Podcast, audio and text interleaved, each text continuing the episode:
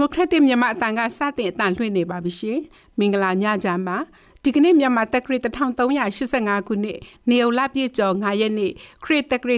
2023ခုနှစ်ဇွန်လ9ရက်ဗုဒ္ဓဟူးနေ့ညပိုင်းဒီမိုကရက်တစ်မြန်မာအတန် DVB ရဲ့ချစ်တော်ကပမြေရေဒီယိုအစီအစဉ်ကိုစတင်နေပါပြီ TVB ရဲ့ညပိုင်းအတန်လွင့်အစီအစဉ်တွေကိုမြန်မာစံတော်ချိန်ည9နာရီကနေ9နာရီခွဲအထိလိုင်းတို73မီတာ kHz 1.843ညကနေထုတ်လွှင့်ပေးနေတာပါ ဒီကနေ့ညပိုင်းနားဆင်ရမယ့်သတင်းတွေကသတင်းကောင်းစင်တချို့ကိုနော်နိုရင်းကဖတ်ကြားပေးပါပါရှင်ဟုတ်ကဲ့ပါရှင်မုတ်ခါမုံတိုင်းတဲ့ရခိုင်ပြည်နယ်အတွက်ကုလသမဂ္ဂကမျိုးစေ့တွေဖြန့်ဖြူးပေးနေတဲ့တဲ့မုံတိုင်းနဲ့တဲ့ရခိုင်ဒေသကလည်းသမားတွေမျိုးစပါးလိုအပ်နေပြီးစာဝတ်နေရအတွက်လုံးမနေရလို့လေထဲမစစ်နိုင်သေးတဲ့တဲ့ဟေ တီနိုင်ငံမှာမိုးတိထန်စွာပြီးရေကြီးရရှမ်းမှုကြောင့်အနည်းဆုံးလူ42ဦးသေဆုံးခဲ့ပြီးပျောက်ဆုံးသူတွေနဲ့ဒဏ်ရာရသူတွေလည်းဒါဇင်နဲ့ချီရှိနေတဲ့သတင်းတွေကိုနားဆင်ရဖို့ရှိပါတယ်။ဒီသတင်းတွေအပြီးမှာတော့ဟိုဒေတာဆရာအုပ်ချုပ်အဖွဲ့အစည်းတို့၎င်းအစိုးရတို့၎င်းပြီးတော့ပတ်စံရှင်းလာတဲ့ဟိုလူမျိုးရေးအတိုင်းဝိုင်းတူကိုရတို့၎င်းလာပြီးတော့မကူညီနိုင်ရင်အဲ့ဒီတောက်သူသုံးဆွေး6ရောက်ဒီ ဘဝနဲ့သူတို့ဤအင်္ဂလိပ်အခြေအနေဟာသူတို့ကိုဆွေးနွေးတဲ့အခြေအနေရှိပါတယ်ခင်ဗျာမိုးခါမုန်တိုင်းထံကြောင့်ရခိုင်ပြည်နယ်ကလယ်မြေတွေမှာစားငံရည်ဝင်ပြီးစိုက်ပျိုးဖို့အခက်အခဲဖြစ်နေတဲ့အကြောင်းဒေသခံလယ်သမားတဦးနဲ့ဆက်သွယ်မေးမြန်းချက်ကိုနှာစင်ရမှာပါဒီကနေ့ဆောင်းပါအစီအစဉ်မှာတော့တကယ်တော့အမိုက်ပြဿနာဟာပြီးခဲ့တဲ့နှစ်လကလေးကကြီးထွားလာခဲ့တာပါငါးလုပ်ငန်းတွေမှာ plastic pot တွေအစားတခြားရေရှည်ခံမဲ့အရာတွေနဲ့အစားထိုးဖို့လှုပ်ဆောင်ချက်တွေဟာလည်းထင်သလောက်မအောင်မြင်ခဲ့ပါဘူး ဒါအပြင်တငါသည်တွေဟာသူတို့အသုံးပြုကြတဲ့ plastic ပစ္စည်းတွေကိုပင်လယ်ထဲကိုစီကံမရှိဆုံးပစ်ကြပါတယ်။ဟာလောင်ပင်လယ်အော်မှာဗီယက်နမ်ရင်ဆိုင်နေရတဲ့ plastic အမှိုက်ပြဿနာဆောင်းပါးကိုထုတ်လွှင့်ပေးဖို့ရှိပါတယ်။ဒီကနေ့အစီအစဉ်တွေကိုတော့ကျမနားမြနဲ့ဒီနဲ့အတူကျမနော်နိုရင်းတို့ကတင်ဆက်ပေးတော့ကြမှာဖြစ်ပါတယ်ရှင်။ကဲနော်နိုရင်းရေဒီကနေ့ထူခြားတဲ့သတင်းတွေကိုတင်ဆက်ပေးလိုက်ကြရအောင်နော်။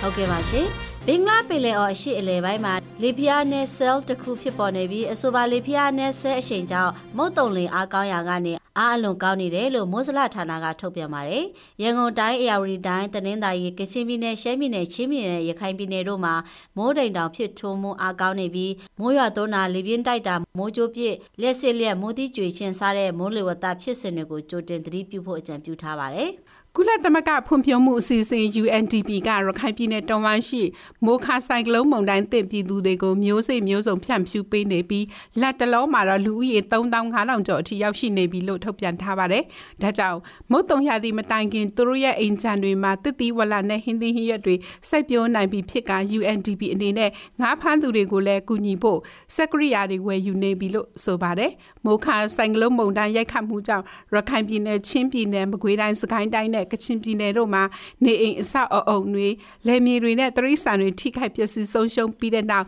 လူဦးရေ1.6တန်းလောက်ဟာအရေးပေါ်အကူအညီတွေအပြင်းထန်လိုအပ်နေတာပါရခိုင်ပြည်နယ်မှာတော့မုတ်တုံရာဒီဝင်ရောက်ဖို့တိတ်မလိုတော့တဲ့အချိန်မှာစာနာရိတ်ခါတွေရရှိနိုင်ဖို့နဲ့တန့်ရှင်းတဲ့တောက်တုံးရည်အရင်အမြစ်တွေရရှိနိုင်ဖို့အချိန်နဲ့တပြေးညီလှုပ်ဆောင်ဖို့အရေးကြီးတယ်လို့ကုလသမဂ္ဂဖွံ့ဖြိုးမှုအစီအစဉ် UNDP ရဲ့မြန်မာနိုင်ငံဆိုင်ရာဌာနေကိုယ်စားလှယ်ထိုက်တာမစ်ထရာကပြောပါတယ်ရှင်။မော်ခါမုန်တိုင်းသည့်မြန်မာပြည်သူတွေအတွက်လူသားချင်းစာနာမှုအကူအညီနောက်ဆုံးနှစ်တုပ်ကိုလာမယ့်ဇွန်လ16ရက်နေ့ကနေ20ရက်နေ့အတွင်းရေလန်းကျောက်ကနေပို့ဆောင်သွားမယ်လို့အာဆီယံကထုတ်ပြန်ပါတယ်။တဘာဝဘေးစီမံခန့်ခွဲမှုဆိုင်ရာအာဆီယံလူသားချင်းစာနာကူညီညှိနှိုင်းဆောင်ရွက်ရေးဌာနရဲ့ထုတ်ပြန်ချက်မှာတော့ဒီအကူအညီတွေထဲမှာရိတ်ခါမဟုတ်ပဲပစ္စည်းတွေရေနဲ့မေလာတက်ရှင်းဆိုင်ရာပစ္စည်းစတဲ့ရေးပေါ်ကယ်ဆယ်ရေးပစ္စည်းတွေပါဝင်ပြီးမြန်မာနိုင်ငံကိုတော့ဇွန်လ20ရက်နေ့နဲ့29ရက်နေ့တွေမှာရောက်ရှိနိုင်ဖို့မျှော်လင့်ထားတယ်လို့ဆိုပါတယ်။အာဆီယံရဲ့လူသားချင်းစာနာထောက်ထားမှုဆိုင်ရာတုတ်ပြန်မှုအကူအညီပထမအတုပ်ကိုတော့ပြီးခဲ့တဲ့မေလ22ရက်နေ့ကမြန်မာနိုင်ငံစီကိုပို့ဆောင်ခဲ့တာဖြစ်ပါတယ်။အာဆီယံကစီလွတ်လိုက်တဲ့အဖွဲ့ဟာဘေးဒဏ်တင့်ဒေသတွေမှာကနဦးလိုအပ်ချက်အကဲဖြတ်ချက်တွေကိုတော့မေလ30ရက်ကအပြည့်တက်နိုင်ခဲ့ပြီးဇွန်လ2ရက်နေ့အထိအာဟာစင်တာကနေစစ်တွေရသေးတောင် ကြောက်တော်နဲ့ပနကျိုးမြို့နယ်တွေကရေဘေးသင့်ပြည်သူတွေအတွက်ကယ်ဆယ်ရေးပစ္စည်းတွေပေးအပ်နိုင်ခဲ့တယ်လို့သိရပါဗျ။လက်ရှိမှာတော့မလေးရှားနိုင်ငံစူဘန်မြို့မှာရှိတဲ့အာဆီယံတဘာဝဘေးအန္တရာယ်အရေးပေါ်ထောက်ပံ့ပို့ဆောင်ရေးကိုတောင်ကနေအမေရိကန်ဒေါ်လာ1.64တန်းတန်ဖိုးရှိတဲ့ကယ်ဆယ်ရေးပစ္စည်းတွေကိုမြန်မာနိုင်ငံကိုလှူဒန်းခဲ့တယ်လို့ဆိုပါတယ်။ မုံတိုင်းတန်တင်ဒေတာတွေအတွက်လှူဒါန်းဖို့ကူညီကယ်ဆယ်ရေးပစ္စည်းတွေနဲ့စားတောက်ပွဲရာတွေတင်ဆောင်လာတဲ့ဘင်္ဂလားဒေ့ရှ်ရေတပ်ကစစ်ရေးရင်တစင်းဟာရန်ကုန်မြို့ကိုရောက်ရှိလာတယ်လို့စစ်ကောင်စီကထုတ်ပြန်ပါတယ်ဘင်္ဂလားဒေ့ရှ်စစ်ရေးရင်ဟာရန်ကုန်မြို့ရှိတီလဝစိတ်ကားမှာစိုက်ကပ်ထားပြီးစစ်ရင်ပေါ်မှာဆန်စီစားပဲတကြားငရုတ်တီမုံနနုံမုံဟင်းခအမွေးအကြံရွက်ဖြင့်တဲ့စေဝါပစ္စည်းတွေနဲ့ရေတန့်ဆေးပြားတွေပါဝင်ပြီးစုစုပေါင်းတန်ချိန်120လောက်ရှိတယ်လို့ဆိုပါတယ် အခုဆက်လက်ပြီးမိုးလေဝသသတင်းတွေကိုတင်ဆက်ပေးမှာဖြစ်ပါတယ်။မင်္ဂလာပါရှင်။ဇွန်လ9ရက်နေ့အတွက်မိုးလေဝသခန့်မှန်းချက်တွေကိုတင်ဆက်ပေးတော့မှာဖြစ်ပါတယ်။ဒီကနေ့မနက်ပိုင်းဖမ်းရရှိထားတဲ့ကျိုးတို့တိမ်မုံကြည့်မယ်ဆိုရင်တော့ကပလီပင်လယ်ပြင်နဲ့ဘင်္ဂလားပင်လယ်ရောတောင်ပိုင်းတို့မှာမိုးတုံးလေအကောင်းရာနဲ့အားလုံးကောင်းနေပြီးတော့ကြံမင်္ဂလားပင်လယ်ရောမှာရတိန်တန်တရနဲ့တိမ်ထူရနေပါတယ်။နောက်ပိုင်းညနေထိမိုးလေဝသခန့်မှန်းချက်တွေနေနေရတော့ မြမကိုင်ရန်ရှောင်းနဲ့ကမ်းလွန်ပင်လယ်ပြင်တို့မှာတခါတည်းမိုးတက်လေပြင်းတွေကြားရောက်ပြီးတော့လှိုင်းကြည့်နိုင်ပါတယ်။မိုးတက်လေပြင်းကြားနေတဲ့အချိန်မှာရေပြင်းရေပြင်းလေးရတနာယူ35မိုင်ကနေမိုင်40လုံးတိုက်ခတ်နိုင်ပါတယ်။မြမကိုင်ရန်ရှောင်းနဲ့ကမ်းလွန်ပင်လယ်ပြင်တို့မှာလိုင်းမြင့်9ပေကနေ17ပေလောက်ထိမြင့်တက်နိုင်ပါတယ်ရှင်။မိုးတိတ်နောင်ဖြစ်ပေါ်နိုင်မှုခံမှန်းချက်တွေနေနေရတော့ရန်ကုန်တိုင်းအရာရီတိုင်းတနင်္သာရီတိုင်းကချင်ပြည်နယ် ရှမ်းပြည်နယ်ချင်းပြည်နယ်ရခိုင်ပြည်နယ်တို့မှာမိုးတိတ်နောင်တွေဖြစ်ထွန်းမှုအကောင်းနေပြီးတော့အဆိုပါမိုးတိတ်နောင်တွေရှားတဲ့နေရာရှောက်မှာမိုးရွာသွန်းခြင်းနဲ့အတူလေပြင်းတက်ခတ်ခြင်းမိုးထချုံခြင်းမိုးကြိုးပစ်ခြင်းလျှက်စီးလက်ခြင်းနဲ့မိုးတိကျွေခြင်းစတဲ့မိုးလေဝသဖြစ်စဉ်တွေဖြစ်ပေါ်နိုင်တဲ့အတွက်ကြောင့်ကြိုတင်သိပြုနေထိုင်ကြဖို့အတွက်အကြံပြုအပ်ပါရရှင်။မိုးရွာသွန်းနိုင်မှုခံမှန်းချက်တွေနေနေရတော့စကိုင်းတိုင်းအောက်ပိုင်းမှာနေရာကွက်ကြားနေပြီးတော့စကိုင်းတိုင်းထပ်ပိုင်းမကွေးတိုင်း ကချင်ပြည်နယ်၊ကယားပြည်နယ်တို့မှာနေရာကျကျမန္တလေးတိုင်းချင်းပြည်နယ်၊အင်းရင်ပြည်နယ်တို့မှာနေရာစစ်စိမ့်နဲ့ချမ်းပြည်နယ်နဲ့တိုင်းတွေမှာနေရာအနှံ့ပြမိုးထစ်ချုံလာနိုင်ပါတယ်။တနင်္သာရီတိုင်းနဲ့ရခိုင်ပြည်နယ်တို့မှာတော့နေရာပွက်ပြီးမိုးကြီးနိုင်တယ်လို့ခန့်မှန်းထားပါတယ်ရှင်။နေပူချိန်ခံမှန်းချက်တွေကတော့အမြင့်ဆုံးပူချိန်အနေနဲ့မကွေးတိုင်းမှာ39ဒီဂရီစင်တီဂရိတ်ဝန်းကျင်လောက်ထိမြင့်တက်နိုင်ပါတယ်ရှင်။ ဆက်လက်ပြီးတော့နေပြီးတော့ရန်ကုန်မြို့နယ်မန္တလေးမြို့နဲ့အနေတွိုင်းမနက်ဖြန်ညနေဒီခံမှန်းချက်တွေကတော့နေရာကွက်ကြားမိုးထိချုံရနိုင်တယ်လို့ခံမှန်းထားပါရရှင်ကျေးဇူးများတင်ပါတယ်ရှင်မိုးလေဝသသတင်းတွေကိုနားဆင်ခဲ့ကြရတာပါဒီမိုကရက်တစ်မြန်မာအတန်ကဆက်လက်အတန်လွှင့်နေပါတယ်ရှင်အခုဆက်လက်ပြီးသတင်းပေးပို့ချက်တွေကိုထုတ်လွှင့်ပေးတော့မှာမို့နော်နိုရင်းကပြောပြပေးမှာပါ မုခါမုန်တိုင်းတန်တင်ခဲ့တဲ့ရခိုင်ဒေသမှာဝမ်စာဖူလအောင်မျိုးစပါးလိုအပ်ချက်ကအရေးကြီးဆုံးဖြစ်နေပြီးလယ်သမားတွေစားဝတ်နေရေးအတွက်လုံးပန်းနေရလို့လေထဲမစင်းနိုင်သေးပဲရှိနေပါတယ်ဒီသတင်းကိုတော့ခိုင်ပန်းနုကသတင်းပေးပို့ထားပါတယ်ရှင်မုခါမုန်တိုင်းကလူအသေးပြောက်နေခဲ့ပေမဲ့ဒေသရင်းကအခြေခံအဆောက်အုံတွေစိုးစိုးဝါးပျက်စီးစေခဲ့ပါတယ်လန်ဒရာတွေအကြောင်းတွေလူနေအိမ်တွေက 90ရာခိုင်နှုန်းလောက်ပျက်စီးသွားခဲ့တာဖြစ်ပါတယ်။ဒါကြောင့်ရခိုင်စပကြီးလို့ခေါ်ကြတဲ့ရခိုင်မြောက်ပိုင်းဒေသဟာမုန်တိုင်းတံကိုဆူဆူဝါခံခဲ့ရလို့အခုလိုလှည့်စင်းချိန်စပားဆိုင်ပြိုးချိန်ကိုရောက်လာပေမဲ့လည်းအပြက်စီးတွေကြားထဲမှာစာဝတ်နေရေးကိုသာလုံးပန်းနေရစေဖြစ်တယ်လို့ကြောက်တော်မြို့နယ်ကလဲဆိုင်တောင်သူကပြောပါတယ်လူတွေကတော်တော်များများကစပားဆိုင်ဖို့ဟာကိုမရောက်သေးဘူးဟို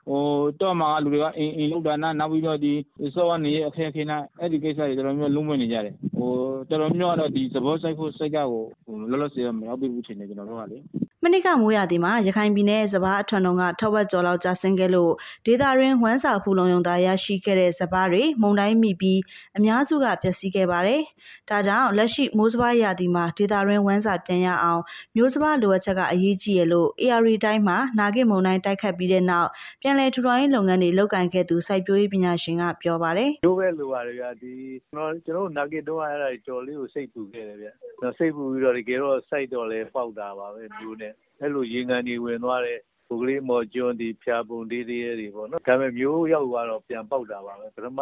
ရေငန်ဝင်တော့ပေါက်မယ်တော့မထင်ဘူးပေါ့နော်ဆက်ပြီးအဓိကတော့မျိုးပေါ့စိုက်ချိန်မီအောင်သူတို့မြေပြဆိုမျိုးလေးတွေပေါ့မရတော့မှကျဲပြီးဆိုင်လဲအရေးကြီးတာဝင်းစာအတွက်ပြန်ရဖို့ပေါ့နော်ရခိုင်ပြည်နယ်မှာစုစုပေါင်းစပားဆိုင်ဧကတသန်းကျော်ရှိပြီးတော့ထိခိုက်မှုမရှိတဲ့ပုံမှန်နှစ်တင်မှာဆိုရင်စပားတန်ချိန်က12တန်းကျော်ထွက်ရှိပါတယ်ပုံမှန်ခြေနေတိုင်းလယ်သမားတွေစိုက်ပျိုးနိုင်မယ်မိုးလေမှန်မယ်ဆိုရင်တော့စံပြက်လက်မှုကစိုးစိုးဝါးထိခိုက်တာမျိုးတော့မရှိနိုင်ဘူးလို့ရခိုင်စံစပားအသင်းတာဝန်ရှိသူကပြောပါတယ်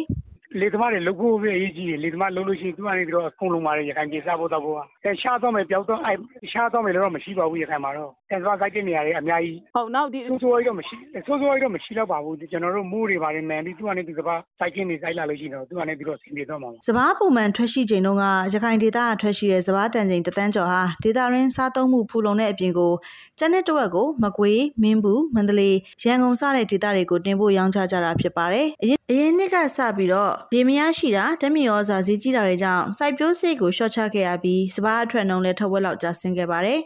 စစ်ကောင်စီကတော့စိုက်ရီကတသန်းကျော်ရှိတဲ့ရခိုင်ပြည်နယ်ကိုထွန်ဆက်33စီလောက်နဲ့ထွန်ရက်ပေးဖို့ပြင်ဆင်နေပါတယ်။ဒေတာရင်းလေသမားတွေမှာတော့ကျွဲနွားတွေထောင်ချီတည်ပြီးတော့ပျောက်ဆုံးကုန်တဲ့အပြင်ကိုပိုင်ခွဲယူထားတဲ့လက်တွန်းထွန်ရက်တွေကလည်းလုပ်ငန်းခွင်ဝင်ဖို့ပြင်ဆင်စိတ်မရှိတော့ဘဲနဲ့ဖြစ်နေပါတယ်မုံခါမွန်တိုင်းသိခိုင်လေသမားတွေစာဝင်နေရတဲ့အခက်အခဲကြုံနေရတဲ့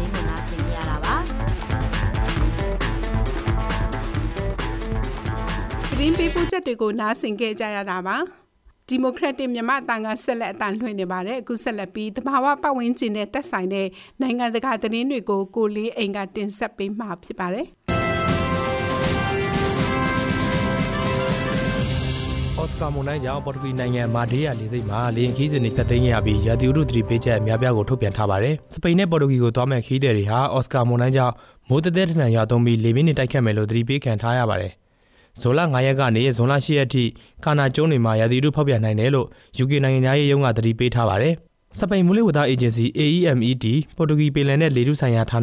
IMP တို့ကလည်းရာသီဥတုသတိပေးချက်တွေထုတ်ပြန်ထားပါတယ်။မုန်တိုင်းကြောင့်ဗုဒ္ဓဟူးနေ့အထိမိုးဆက်မြတ်ရွာသွန်းနိုင်ပါတယ်။အဲ့ဒီနောက်မုန်တိုင်းဟာအတ္တလန်တိတ်သမုဒ္ဒရာကိုဖျက်ပြီးမြောက်ဘက်ကိုရွေ့ရှားကဗြိတိန်နိုင်ငံစီဥတီသွားမှာဖြစ်ပါတယ်။မုန်တိုင်းစနစ်ဟာအခုသတင်းပတ်နှောင်းပိုင်းမှာအပူချိန်30ဒီဂရီစင်တီဂရိတ်ထိရောက်သွားနိုင်ပါတယ်။မာရီယာကမ်းခြေနဲ့တောင်တွေအတွက်အနီရောင်သတိပေးချက်တွေထုတ်ပြန်ထားပါတယ်။ တနင်္လာနေ့ကလေရင်ခီးစဉ်28ခုကိုဖျက်သိမ်းခဲ့ရပြီး12ကြိမ်လေကြောင်းပြောင်းလဲခဲ့ရတယ်လို့ပေါ်တူဂီလေဆိပ်အာဏာပိုင်အဖွဲ့ကပြောပါတယ်။ခရစ္စတီယာနိုရိုနယ်ဒိုလေဆိပ်မှာလည်းဇွန်လ6ရက်မှာလေရင်နည်းနည်းသာဆင်းသက်နိုင်ပြီးရာသီဥတုကြောင့်လေကြောင်းခီးစဉ်အများပြားဖျက်သိမ်းခဲ့ရပါတယ်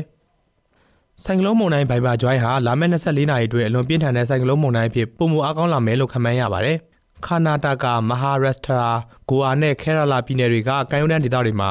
အရှိန်ပြင်းတဲ့လေပြင်းနဲ့ပြင်းထန်တဲ့ရာသီဥတုကိုတွေ့ကြုံခံစားရနိုင်ပါတယ်။ အိန္ဒိယနိုင်ငံမိုးလေဝသဌာန IMD ကလည်းရေလုံသားတွေအတွက်တတိပေးချက်ထုတ်ပြန်ထားပါတယ်။အရှိလေပိုင်းဒေသနဲ့ဆက်ဆက်နေတဲ့အာရေဗျပင်လယ်တွေကဆိုင်ကလုန်းမှုန်တိုင်းဘိုင်ဘာဂျွိုင်းဟာလာမယ့်နိုင်နဲ့အတွင်းမြောက်ဘက်ကိုရွေ့ရှားပြီးပိုအားကောင်းလာရင်ပြင်းထန်တဲ့ဆိုင်ကလုန်းမှုန်တိုင်းဖြစ်ရောက်ရှိနိုင်တယ်လို့ IMD ရဲ့နောက်ဆုံးထုတ်ပြန်ချက်မှာဖော်ပြထားပါတယ်။ဒီမှုန်တိုင်းကြောင့်ပြင်းထန်တဲ့ရာသီဥတုနဲ့ပင်လယ်ပြင်ခြေအနေတွေကြုံတွေ့ရနိုင်ပြီးလေတိုက်နှုန်းကနောက်3-4ရက်အတွင်းတနအီကို135ကနေ145ကီလိုမီတာကြားနဲ့အပြင်းထန်ဆုံးခြေအနေမှာတနအီ160ကီလိုမီတာအထိတိုက်ခတ်နိုင်ပါတယ်။ ဒီဆိုင်ကလုန်းမုန်တိုင်းဟာအရှေ့လေပိုင်းနဲ့ဆက်ဆက်နေတဲ့အာရေဗျပင်လယ်အရှေ့တောင်ဘက်မှာ3နာရီကြာငြိမ်သက်နေတဲ့နေရာမှာရှိနေတယ်လို့ IND ကသတိပေးချက်ထုတ်ပြန်ထားပါတယ်။မုန်တိုင်းဟာဒေသဆန်တော်ချိန်နနက်2နာရီ30မှာဂိုအာပြည်နယ်ရဲ့အနောက်အနောက်တောင်ဘက်ကီလိုမီတာ900ဝန်းကျင်မွန်ဘိုင်းမြို့ရဲ့အနောက်တောင်ဘက်1020ကီလိုမီတာပေါ်ဘန်နာမြို့ရဲ့တောင်အနောက်တောင်ဘက်1090ကီလိုမီတာနဲ့ကရာချီမြို့ရဲ့တောင်ဘက်1380ကီလိုမီတာအကွာမှာရှိနေပါတယ်။အခုချိန်ဒီပြည်နယ်တွင်းယာယီခိုလုံရေးစခန်း9ခုကိုဖွင့်လှစ်ထားတယ်လို့အာဏာပိုင်တွေကသတင်းထုတ်ပြန်ခဲ့ပါတယ်။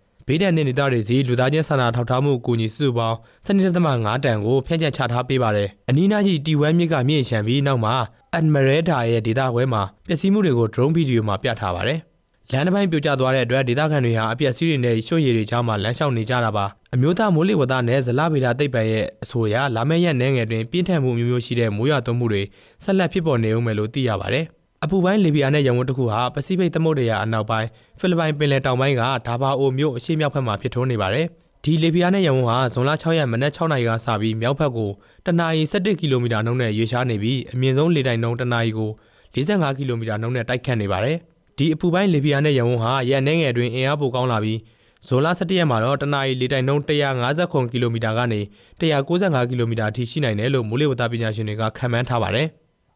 ဟေတီနိုင်ငံမှာမိုးသက်ထန်သာရာသွန်းပြီးရေကြီးရှမ်းမှုကြောင့်ပြီးခဲ့တဲ့ရက်အနည်းငယ်အတွင်းအနည်းဆုံးလူ42ဦးသေဆုံးခဲ့ပြီးပျောက်ဆုံးသူတွေနဲ့ဒဏ်ရာရသူတွေလည်းဒါဇင်နဲ့ချီရှိခဲ့တယ်လို့တာဝန်ရှိသူတွေကဇွန်လ9ရက်မှာပြောပါတယ်။အင်ဂျီ13600ကျော်ရေမြုပ်တယ်လို့စာရင်းသွင်းထားပါတယ်။မြို့တော် Port au Prince အနီးအပါအဝင်နိုင်ငံအနှံ့ပြားမှာရေကြီးရှမ်းမှုတွေဖြစ်ပွားခဲ့ပြီးနောက်ဇွန်လ၄ရက်ညကတည်းကတည်ဆုံသူဦးရေတိုးလာတယ်လို့ရဲဘက်ကာကွယ်ရေးအေဂျင်စီကတနင်္လာနေ့ကတက်တော်မှာပြောကြားခဲ့ပါတယ်။ ပြင်းထန်တဲ့အုပ်စုဖွဲ့အကြမ်းဖက်မှုတွေကြားခက်ခဲတဲ့အခြေအနေတရက်ကိုရင်ဆိုင်နေရချိန်မှာဟေတီနိုင်ငံဟာလူသေးပြောက်များတဲ့ရေလမ်းမှုမှုတွေထက်ကြုံလာရတာကြောင့်ကယ်ဆယ်ရေးကျူးပန်းမှုတွေကိုအဟန့်တားဖြစ်စေခဲ့တယ်လို့အရက်ဖက်ကာကွယ်စောင့်ရှောက်ရေးအကြီးအကဲကပြောကြားခဲ့ပါတယ်။ရုရှားထိန်းချုပ်ထားတဲ့ယူကရိန်းနိုင်ငံတောင်ပိုင်းကအဓိကကျတဲ့ဆိုဗီယက်ခေတ်ဆယ်ကြီးတစ်ခုဟာဇွန်လ6ရက်မှာကျိုးပေါက်ခဲ့ပြီးစစ်ပွဲစုံတစ်လျှောက်ရေလဲမှုမှုတွေဖြစ်ပေါ်စေလို့တစ်ဖက်နိုင်ငံကတပ်ဖွဲ့ဝင်တွေရွေချက်ရှိရှိတိုက်ခိုက်တာဖြစ်တယ်လို့ယူကရိန်းနဲ့ရုရှားနှစ်နိုင်ငံစလုံးကပြောပါတယ်။ နိုင်ငံတကာအနုမြူစွမ်းအင်အေဂျင်စီ IAEA ကဆယ်ပြိုမှုကြောင့်စက်ရုံမှာနျူကလ িয়ার ဘေးအန္တရာယ်ကင်းရှင်းရေးခြေနေကိုနှိကဲစောင့်ကြည့်နေတယ်လို့သိရပါတယ်။ယူကရိန်းသမ္မတဇလန်စကီကပျက်စီးမှုတွေအတွက်ရုရှားကိုပြစ်တင်ရှုတ်ချခဲ့ပါတယ်။ရုရှားနိုင်ငံပိုင်သတင်းအေဂျင်စီ RIA ရဲ့အဆိုအရမော်စကိုမြို့ဒေသဆိုင်ရာအကြီးအကဲကအခြေချနေထိုင်တဲ့14ရက်ကွက်မှာနေထိုင်သူ2200ဟာရေလမ်းမမှုအန္တရာယ်နဲ့ရင်ဆိုင်နေရတယ်လို့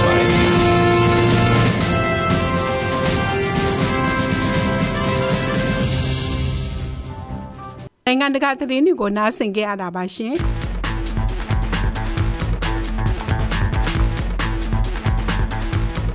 သောတာရှင်များရှင်မုတ်တုံရာသီအတွင်းရေလွှမ်းမိုးမှုအန္တရာယ်ကနေကြိုတင်ကာကွယ်နိုင်ဖို့နဲ့ရေကြီးရေရှာမှုတွေကိုကြိုတင်ပြင်ဆင်ထားနိုင်ဖို့အတွက်ကမ္ဘာ့ကျန်းမာရေးအဖွဲ့ WHO ရဲ့အကြံပြုချက်တွေကိုထုတ်လွှင့်ပေးမှာဖြစ်ပါတယ်။နားဆင်နိုင်ပါပြီရှင်။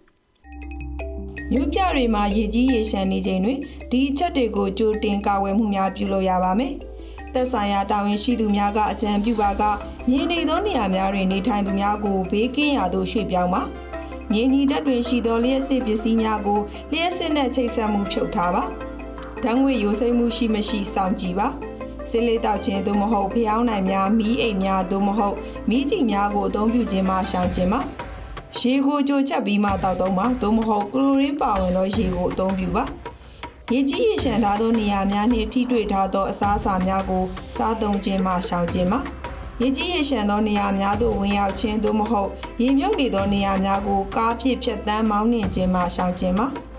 အဖုံးပွင့်နေသောမြောင်းပေါက်များသို့မဟုတ်ရေကြီးရေရှမ်းနေသောရေထွက်ပေါက်များကိုသတိထားပါမတော်တဆမှုများမဖြစ်စေရန်သက်ဆိုင်ရာတာဝန်ရှိသူများထံချက်ချင်းသတင်းပို့ပါ ရေလွှမ်းမိုးမှုအန္တရာယ်ကြိုတင်ကာကွယ်အကြံပြုချက်တွေကိုထုတ်လွှင့်ပေးခဲ့တာပါ။သောတာရှင်များရှင်ခုဆက်လက်ပြီးဆက်သွယ်မေးမြန်းချက်ကိုထုတ်လွှင့်ပေးမှာဖြစ်ပါတယ်။မူခါမုံတိုင်းတံပြင်းပြင်းထန်ထန်ခန်းစားခဲ့ရတဲ့ရခိုင်ပြည်နယ်ပုံနာကျွန်းမြို့နယ်အလဲချောင်းကျေးရွာကလယ်မြေကပေါင်း900ကျော်ဟာစားငံရည်တွေဝင်ပြီးပြန်လည်စိုက်ပျိုးဖို့အခက်အခဲတွေဖြစ်နေတဲ့အကြောင်းဒေသခံလယ်သမားဦးမောင်တန်းလွင်ကိုဆက်သွယ်မေးမြန်းထားပါတယ်။ ဟုတ်ကဲ့ ဒီရွာပေါ့နော်ဒီကျွန်တော်မိုးခါမုံတိုင်းကြောင့်စားငံရည်ဝင်ရောက်ပြီးတော့ လယ်မြေတွေဒါပုံတော်ရမြို့နယ်မှာဆိုလည်း အများကြီးဒီပြည့်စည်ဆုံးရှုံးခဲ့တာပေါ့နော်သားငံရေဝင်ရောက်လို့ပေါ့နော် ပျက်စီးသွားတဲ့ လယ်မြေတွေကိုဟိုပြန်လည်စိုက်ပျိုးနိုင်မယ်ဆိုလို့ရှိရင် ဘယ်လိုတွေလှုပ်ဆောင်ရမလဲခင်ဗျ ဟုတ်ကဲ့ပါဗျ ကျွန်တော်ပြောချင်တာကဒီကျွန်တော်တို့ အလေရှောင်းအုပ်စုမှာဟိုလေသမားဥယေကနေပြီးတော့ဟို180ကျော်လောက်ရှိတယ် အဲ့ဒီထဲမှာလေကဟာ 920လောက်ရှိတယ်လေကအဲ့ဒီလေရှောင်းအုပ်စုမှာ ကွင်းဟိုကွင်း area ကွင်းရှိတယ်ဟို901ကွင်းရယ်900ကွင်းရယ်900ခွန်ကွင်းရယ်ဆိုပြီးတော့ ကွင်းတင်းရှိတယ် အဲ့ဒီထဲမှာခုလက်ရှိလက်ချောရွာကြီး45ရာခိုင်နှုန်းလောက်လေသမားဟာ ရွာချောပုံကွင်းဆိုတဲ့နေရာမှာ45ရာခိုင်နှုန်းလောက်ဟိုရွာကြီးကိုစားလောက်သွားနေကြပါတယ်ခင်ဗျာဟိုတခြားကွင်းတွေမှာကြာရင်တော့4ယောက်5ယောက်10ယောက်လောက်ပဲ လောက်ကစားတော့နေကြတယ် အခုလက်ရှိရှင်နေအပြင်ဤဒီရွာချောပုံကွင်းဟာဟိုဧကအပြင်တော့920လောက်ရှိပါတယ်ခင်ဗျာပြီးတော့လေချောရွာရဲ့45ရာခိုင်နှုန်းဒီအဲ့ဒီကွင်းမှာပဲ တောက်တူဦးရဲ့စူးစူးဘောရဲ့45ရာခိုင်နှုန်းဒီအဲ့ဒီကွင်းမှာပဲ လုပ်ကြစားတော့နေတာခင်ဗျာ ပြီးတော့ အဲ့ဒီကွင်းရဲ့အချိန်ဟာ အခုဆိုရင်ဟိုမော်ခါမှုနဲ့ကြောင့် ဘာမှလောက်ဆက်လို့ဖျက်လို့မရနိုင်တဲ့အချိန်ဖြစ်နေတယ်ဒီကစင်းရိုးတွေဟိုဆေမြောက်တာတမန်တွေကဘုံချိုးပေးပြီးတော့ အဲ့ဒီအချိန်တွေရောက်နေတယ် ဆိုတော့ အဲ့ဒီအချိန်တွေကို တောက်တူတွေက ကိုတူကိုရပြန်ပြီးတော့နေရာစိတ်ပြုတ်နိုင်အောင်စေဖို့ဖို့ဆိုတာ ဘယ်လိုမှ မတက်နိုင်ဘူးဟိုက2020 2020 2000ဟိုဟိုဂျမန်နဲ့ရာလီတွေကလည်းဆန့်ငရဝင်လာတယ် အဲ့ဒီချိန်မှာလည်း သူတို့ဟာဟိုနွေရာဒီမှာ သူတို့ဟာ ကိုတူကိုထားဟိုထိုးလေတွေကို ဧကလိုက် ပေးလိုက်ပြီးတော့ဆေးပြီးတော့ လုပ်ထားပါတယ်ခင်ဗျာအဲ့ဒီချိန်မှာ တဘာမစစ်ပြောခဲ့အဲ့ဒီမခမှုနဲ့ဝင်လာတယ် အဲ့ဒီဆေးထားတဲ့လေတွေလည်းဒီစင်းရိုးတွေလည်း အကုန်လုံး ကျိုးပေးသွားတယ် နောက်တစ်ခါခုခုလို အချိန်မျိုးမှာ ပြန်ပြီးတော့ သူတို့အနေနဲ့ ကိုတူကရစစ်ဖို့နိုင်တဲ့ အချိန်တွေကဘာမှ လက္ခဏာမရှိဘူး အဲကြောင့် ကျွန်တော်ပြောချင်တာက အဲ့ဒီအချိန်တွေကိုဟိုဒေတာခရာ အုပ်ချုပ်အဖွဲ့အစည်းတို့၎င်း အစိုးရတို့၎င်း ပြီးတော့ပတ်စံရှင်းလာတဲ့ဟိုလူမျိုးရေးအစည်းအဝိုင်း ဟိတူကိုရလူကောင်း လာပြီးတော့ မကူညီနိုင်ရင် အဲ့ဒီတောက်တူသူ့ဆိုတဲ့6ယောက်ဒီဘဝနဲ့ သူတို့ကြီးအင်္ဂလိပ်အခြေအနေဟာသူတို့ကိုဆွေးနွေးတော့မယ့် အခြေအနေရှိပါတယ်ခင်ဗျာဟုတ်ကဲ့ဟိုဆိုလိုချင်တာကလေစားငံရေ ဝင်ရောက်ပြီးတော့ ပျက်စီးသွားတဲ့ လယ်မြေတွေကို ပြန်လည်စိုက်ပျိုးနိုင်ဖို့ဆိုရင် ဘယ်လိုတွေလှုပ်ဆောင်ဆောင်ရမယ်လို့ ယူဆရလဲဗျ အဓိကကတော့ခင်ဗျာအဲ့ဒီလေတွေကို ကျွန်တော်တို့ဒေသမှာဆိုရင် မြင်းနေမဲ့ဖြစ်တဲ့စားငံရေဟာဟိုဟိုဝါကြလာ မတက်ခင်စားငံရေဝင်နေဝါကြလာနောက်ပိတ်ဆိုရင်စားငံရေဟာ open ဟိုအရှင်းအမြင့်ဆုံးစားငံရေပေါ့နော်အဲ့ဒီစားငံရေမဝင်ခင်အဲ့ဒီလေမြေတွေကိုလေကစင်းတွေကိုခေကိုဆရာမယ်ခင်ဗျာဆိုလိုတာက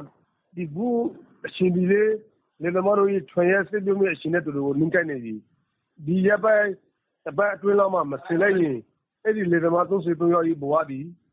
ပြန်ပြီးတော့ရိုက်တယ်စရာမရှိတော့ဘူးဆိုတော့က မကြခင်အတွင်းမှာပဲ အဲ့ဒီလေမြေတွေကို ကျွန်တော်တို့ဟိုလူငယ်ရောနဲ့တို့၎င်း ဘက်ဖုန်းနဲ့တို့၎င်း ပြန်လဲစစ်ဖို့ပြီးမှသာလျှင် အဲ့ဒီအတွင်းမှာရှိတဲ့လေမြေတွေကို ပြန်လဲစိတ်ပြုလို့ရမယ်ထင်တယ်ခင်ဗျ ဟုတ်ကဲ့ဟိုဘာပါနော်ဟိုသုံးယောက်တည်းအားလုံးခြုံပြီးတော့ တစ်စိတ်လောက်ပြောပြပါနော် နောက်တစ်ခု မေးချင်တာကလေအဲစပားတွေပေါ့နော် ပုံမှန်ပြန်ဆိုင်နိုင်ဖို့ဆိုလို့ရှိရင် အဓိက ဘာတွေလိုအပ်လဲ အဓိကကတော့ အခုကျိုးပိတ်နေတဲ့ကစင်းရုပ်တွေကိုစင်မျိုးတာတမယ်တွေကိုစစ်ဖို့ ပြီးမျိုးစပါပေါ့ မျိုးစပါပြီးရင်ဟိုဓာတ်မျိုးစားပေါ့ ပြီးရင် ပထမအရေးကြီးဆုံးအချက်ကအဲ့ဒီအခုလက်ရှိတော်သူတွေဟာ ကျွေးနှောင်းနဲ့ မထွန်ရတော့ဘူးဟိုဆယ်ရက်နေရနဲ့ပဲ ထွန်ရနေတဲ့အချိန်ကာလဖြစ်တယ်ဆယ်ရက်နေရလည်း အခုဆိုရင်ဟောရင်းနေစီစီတို့ ဒီစီစီတို့ကတို့ကို မြင်နေတယ် ထွန်ရခဈေးနှုန်းတူလေတော်သူတွေဟာ အခုလက်ရှိအချိန်အချင်းအင်းလေးပါသွားတယ် နောက်တခြားစီးပွားရေးတွေလည်းပါသွားတဲ့အချိန်မှာအေးထွန်ရခအတွက်အေးစက်ကြီးစက်နဲ့ထွန်ရနဲ့စက်ခါကိုတော့သူတို့နိုင်မယ့်အချိန်မရှိဘူးဘူးလို့အခြေအနေလို့ရှိတာကစင်းရတွေကိုစစ်ပေးရမယ်စင်မျိုးတယ်မင်းတွေကိုစစ်ပေးရမယ်ပြီးရင်ထွန်ရခရဲ့တိုင်းမျိုးဥစ္စာရဲ့မျိုးစပါပေါ့ခင်ဗျာဟုတ်ကဲ့ဒီလေသမားတွေရဲ့အခုပေါ့နော်မိုးခါအလွန်မှာပေါ့နော်လက်ရှိစိတ်ခေါ်မှုကဟာအဓိကစိတ်ခေါ်မှုကဘလို့စိတ်ခေါ်မှုတွေရှိတယ်နောက်ပြီးတော့ဒေသအာဏာပိုင်တွေကျေသုံးဖို့ပေါ့နော်အလူရှင်တွေကိုဟို အလှူရှင်တွေကို သူတို့အနေနဲ့ ဘာတွေပံ့ပိုးပေးဖို့ လိုအပ်သလဲ မသိဘူး။ဒေသအာဏာပိုင် အလှူရှင်တွေကနေပြီးတော့ လယ်သမားတွေကို ဘယ်လိုပံ့ပိုးမှုတွေပေးဖို့ လိုအပ်တယ်။စိန်ခေါ်မှုတွေက ဘာတွေရှိတယ်ဆိုတာ တချက်လောက် ပြောပြပေးပါဦးနော်။စိန်ခေါ်မှုကတော့ ခင်ဗျာ အခုလို ဒီလိုအခြေအနေဖြစ်နေရင်တော့ စိန်ခေါ်မှုကတော့ ငတ်မွတ်တဲ့ စိန်ခေါ်မှုပဲ။ပြီးတော့ ဒေသအာဏာပိုင်တွေအနေနဲ့ အဲဒါတွေကို ဘယ်လိုဖြေရှင်းပေးရမလဲဆိုရင် စက်ယန္တရားတွေကိုတော့ တို့တက်နေတဲ့ဘက်ကအကူအညီပေးပြီးတော့တော်သူတွေနဲ့ပေါင်းပြီးတော့ဘယ်လိုကားသိနေရရင်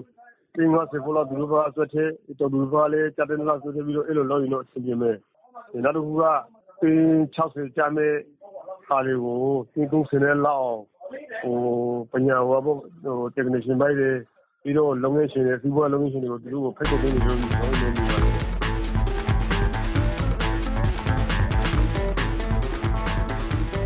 ဒေသမားဦးမောင်တန်းလင်နဲ့ဆက်သွယ်မြင်းများချက်ကိုနားဆင်ကြကြရတာပါတော်တာရှင်များရှင်အခုဆက်လက်ပြီးဆောင်းမအစီအစဉ်တင်ဆက်ပေးဖို့ဖြစ်ပါတယ်ရှင်ဒီကနေ့မှာတော့ຫນွေဦးစင်ပါတာပြန်ဆိုရေးသားထားတဲ့တာယာလှပတဲ့ဟာလောင်းပင်လယ်အော်မှာဗီယက်နမ်ရင်ဆိုင်နေရတဲ့ပလတ်စတစ်အမှိုက်ပြဿနာ AFP သတင်းဆောင်ပါကိုထုတ်လွှင့်ပေးမှာပါကိုတူရကဖတ်ကြားပေးထားပါတယ်ရှင်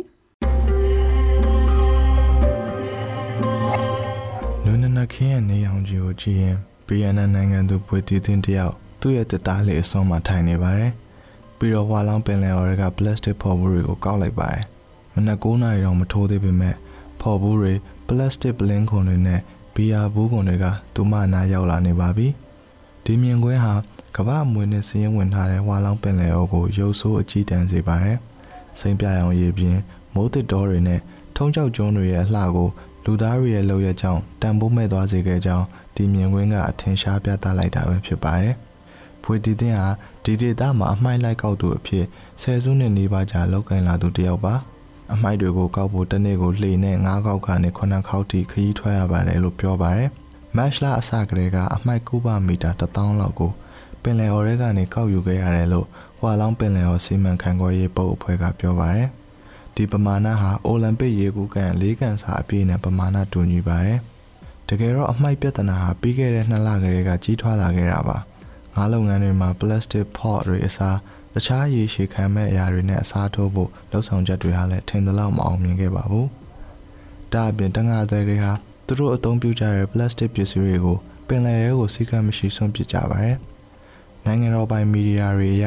အစိုးရအာဏာပိုင်တွေဟာရေရင်အစီး20 လှေ80နဲ့လူ12ယောက်ပါအဖွဲ့တစ်ဖွဲ့ကိုတန်ရှင်းလုပ်ဖို့စိတ်ခိုင်းထားတယ်လို့ဖော်ပြကြပါတယ်။ဟွာလောင်းပင်လယ်ော်စီမံဌာနကပတ်ဝန်းကျင်ထိန်းသိမ်းရေးသမားဒိုဘီယန်တန်ကဒီဖော်မှုပြဿနာဟာရေတိုကိစ္စပါလို့ပြောပါတယ်။ဒါပေမဲ့ဟွာလောင်းပင်လယ်ော်ကကိစ္စနဲ့ပတ်သက်ပြီးဖိအားရှိရဆိုတာကိုတော့သူဝန်ခံပါတယ်။ဗီယက်နမ်အရှေ့မြောက်ကမ်းရိုးတန်းကအံ့ဘွယ်ထုံကြောက်နေရတစ်ခုဖြစ်တဲ့ဟွာလောင်းပင်လယ်ော်ကို2022တုန်းက ခရီးသွား9တန်းကျော်လာရောက်လည်ပတ်ခဲ့ကြတယ်လို့ခန့်မှန်းထားကြပါတယ်။ဒီနှစ်အတွင်းမှာလည်းခရီးသွားဧည့်သည်10တန်းခွဲလောက်အထိတိုးများလာမယ်လို့အာဏာပိုင်တွေကမျှော်မှန်းထားကြပါတယ်။ထင်ပေါ်ကျော်ကြားမှုဝါလောင်မျိုးရဲ့တဖြည်းဖြည်းဖွံ့ဖြိုးလာမှုနဲ့အတူ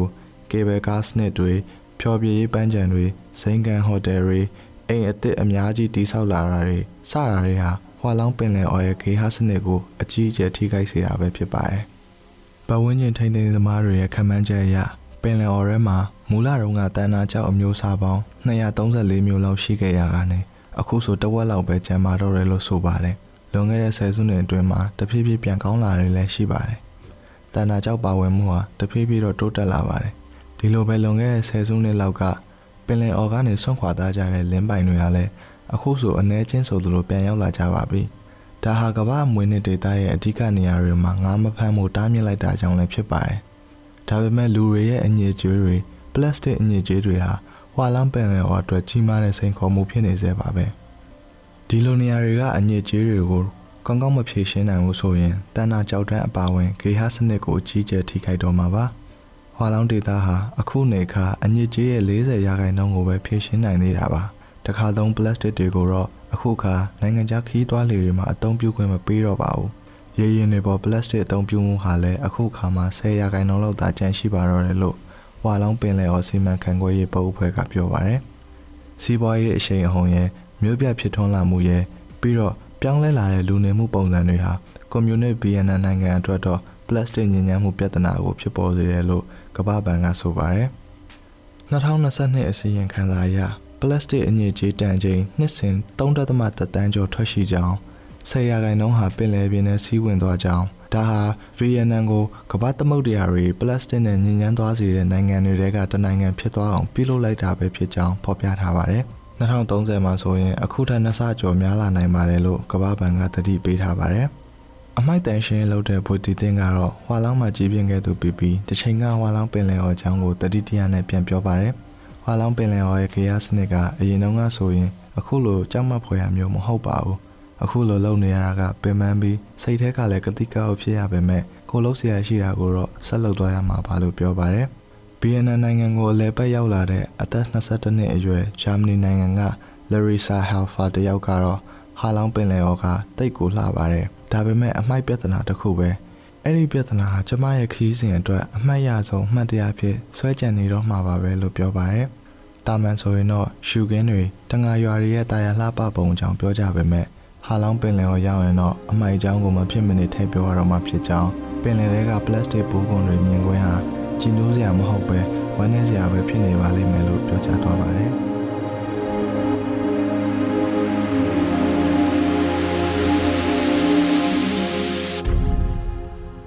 ကဘာလက်ခရီးသွားတွေအသွားများတဲ့ဗီယက်နမ်နိုင်ငံဟာလောင်းပင်လယ်အော်ကပလတ်စတစ်အမှိုက်ပြဿနာအကြောင်းကိုနားဆင်ခဲ့ကြရတာပါ ဒီမိုကရက်တစ်မြန်မာအတန် DVB ရဲ့ချစ်တော်ကဘာမြေပုတ်တခုလေးညပိုင်းဗီဒီယိုအတန်နဲ့အစီအစဉ်တွေဒီမှာဒီမှာပြီးဆုံးပြီဖြစ်ပါတယ်ဒီအစီအစဉ်ကိုမနေ့ဖန်မှာလဲမြန်မာစံတော်ချိန်ည9နာရီကနေ9နာရီခွဲအထိလှိုင်းတို73မီတာ kHz နဲ့843ညကနေထုတ်လွှင့်ပေးနေအောင်မှာမို့စောင့်မျှော်နားဆင်နိုင်ပါတယ်ရှင် TVB ရဲ့ချစ်တော်ကဘာမြေရေဒီယိုအတန်လွှင့်အစီအစဉ်ကိုအင်တာနက်စာမျက်နှာ World Wide Web burmese.tvb.no website Facebook YouTube နဲ့ TVB News podcast channel Spotify Apple နဲ့ Google တို့မှာ smartphone ကနေတစ်ဆင့်နားဆင်နိုင်တဲ့အကြောင်းသတင်းကောင်းပါအပ်ပါရရှင်ဒီကနေ့အစီအစဉ်တွေကိုတော့ကျမနာမြတ်နဒီနဲ့နော်နိုရင်းတို့ကတင်ဆက်ပေးခဲ့ကြတာပါတော်သက်ရှင်ပေါင်းကျမချမ်းသာကြပါစေ TVB ကိုနားဆင်တဲ့အတွက်အထူးကျေးဇူးတင်ရှိပါတယ်ရှင်